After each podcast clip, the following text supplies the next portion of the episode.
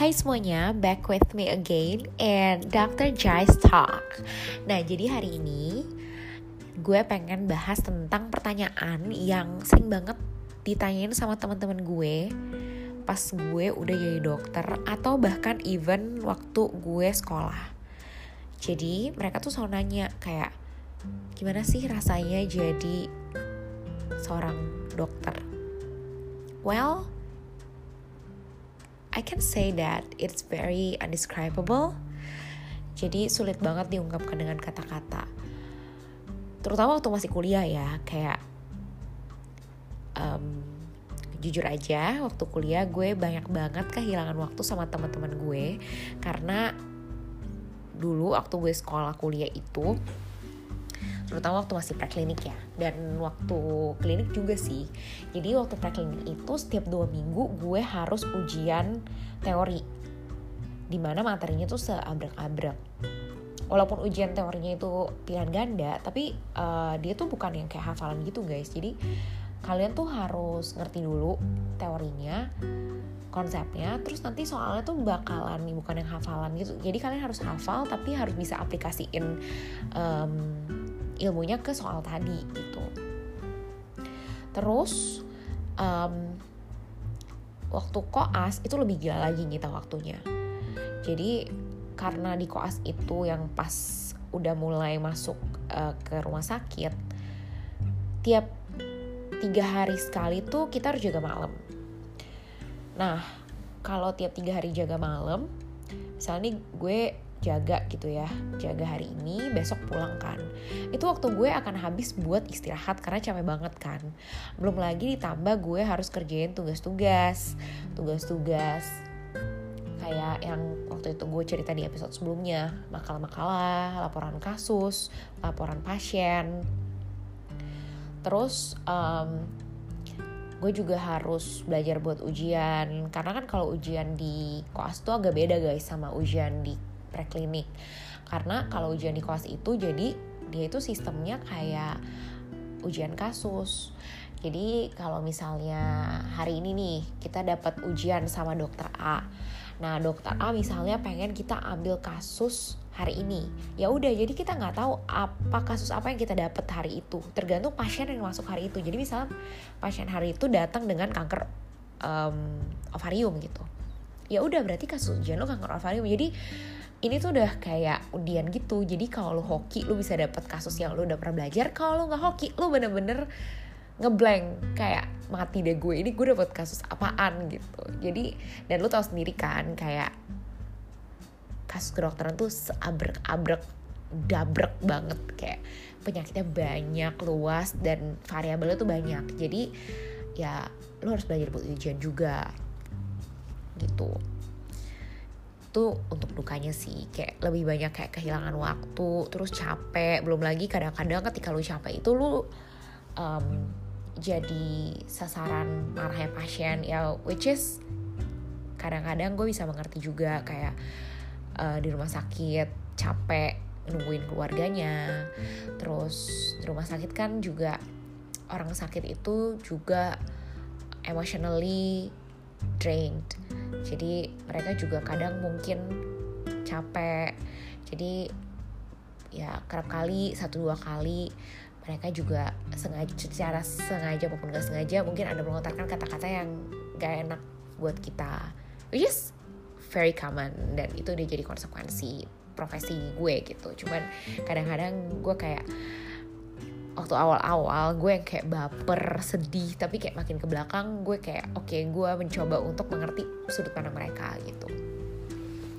Itu sih sedihnya. Cuman kalau senengnya banyak kayak gue bisa sebenarnya yang paling berguna terutama untuk saat ini ya itu adalah ketika lo jadi dokter lo akan mengerti kalau misalnya kayak orang tua lo atau keluarga lo berobat ke dokter dan dokternya itu kayak bawa uh, pembicaraan medis di dalam ruang prakteknya lo kan ngerti dan kalau misalnya kayak lo baca hasil-hasil USG, hasil-hasil ronsen atau hasil-hasil laboratorium, lo tuh ngerti gitu. Dan enaknya lagi, lo juga bisa jadi dokter buat diri lo sendiri yang menurut gue kadang-kadang gue syukuri karena bisa hemat ya gak sih? Jadi kalau lu sakit sedikit kayak sakit-sakit yang kira-kira lu tahu lu tahu harus ngapain gitu. Dan menurut gue um, jadi dokter tuh juga ada kebahagiaan ketika lo ngelihat pasien yang lo rawat dari sakit dan gak berdaya jadi bisa sembuh dan sehat lagi gitu. Jadi gue mau cerita pengalaman dikit ya ini menurut gue pengalaman yang sangat-sangat membekas di hati gue sampai detik ini. Jadi waktu itu gue sempet uh, tugas di Sukabumi di salah satu rumah sakit pemerintah di daerah Sukabumi.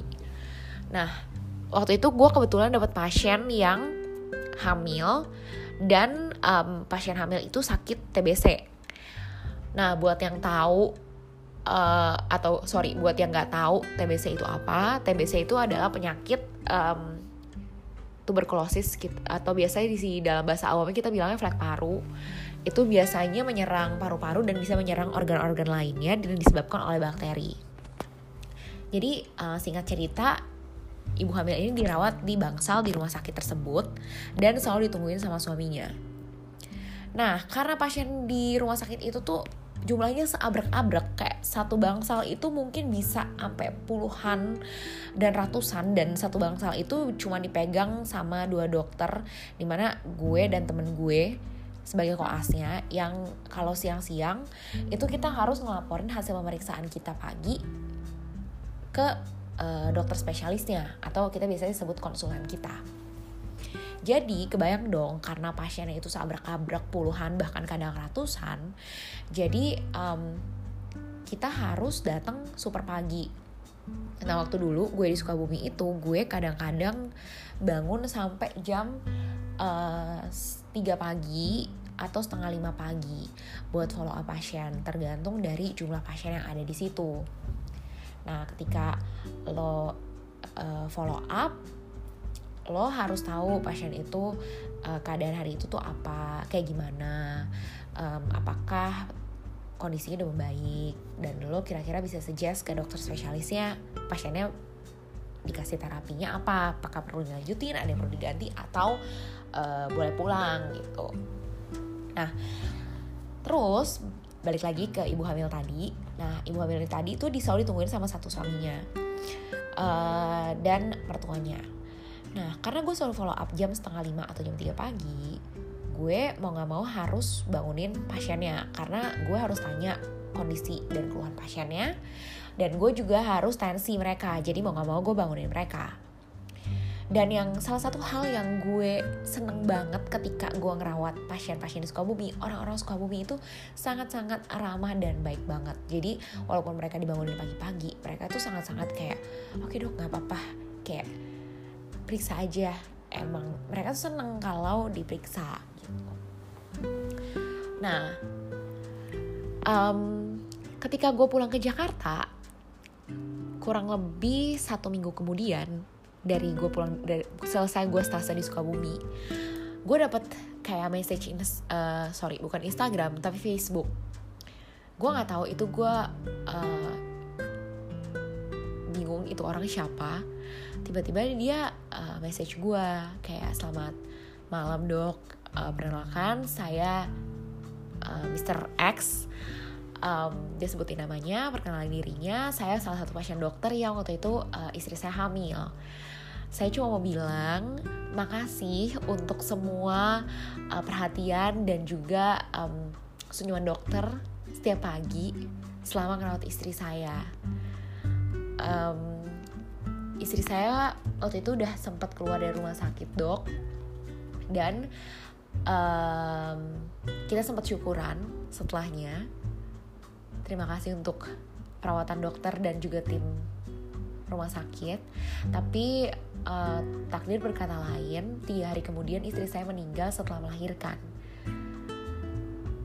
Dan dia juga meninggal beserta bayinya. Tapi saya mau menyampaikan uh, amanah istri saya untuk bilang terima kasih ke dokter. Di saat itu gue langsung terenyuh. Gila banget ya ternyata kayak walaupun di saat itu gue sedih pastinya karena ibu hamil tersebut meninggal tapi ada rasa kebahagiaan yang gue nggak bisa sem deskripsikan dan jelaskan um, bahwa kayak um, terkadang hal kecil yang kita lakukan itu bisa ngerubah orang lain. Maksud gue bukan ngerubah sih. Mungkin lebih memberikan kesan yang begitu dalam buat orang lain. Oh ya dia sebelumnya juga bilang ke gue um, awalnya kan gue bingung ya kenapa bapak ini bisa tahu Facebook gue dan nama lengkap gue? Karena selama ini gue cuma memperkenalkan diri sebagai nama panggilan gue aja. Ternyata dia jelasin juga di situ. Selama ini karena dokter uh, begitu baik sama kita dan bener-bener uh, perhatiin kita banget saya sempat ngeliatin tag dokter dan saya search di Facebook dan kebetulan ada. Di saat itu gue bener-bener terenyuh dan gue baru sadar bahwa kayak wah gila jadi dokter tuh segitu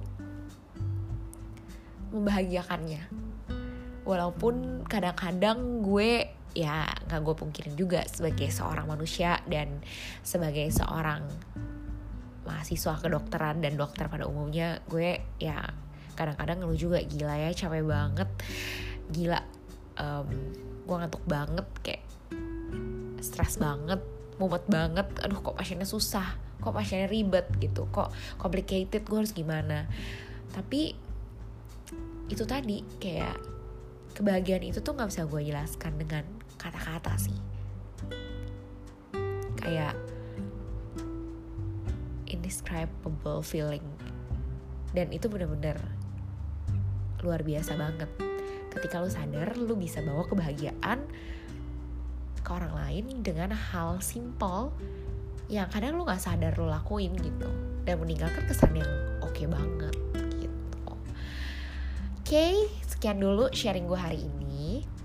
Mudah-mudahan kalian semua yang dengerin bisa apa ya terinspirasi.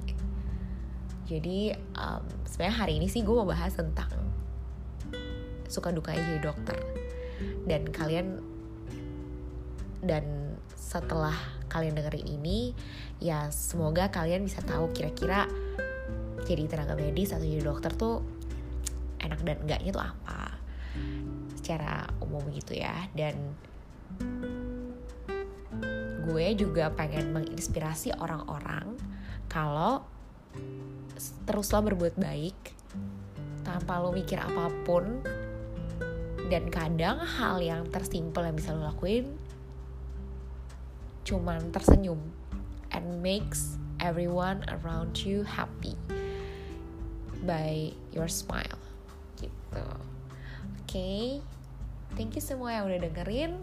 Sampai ketemu di podcast-podcast berikutnya di Dr. Jai's Talk. Bye!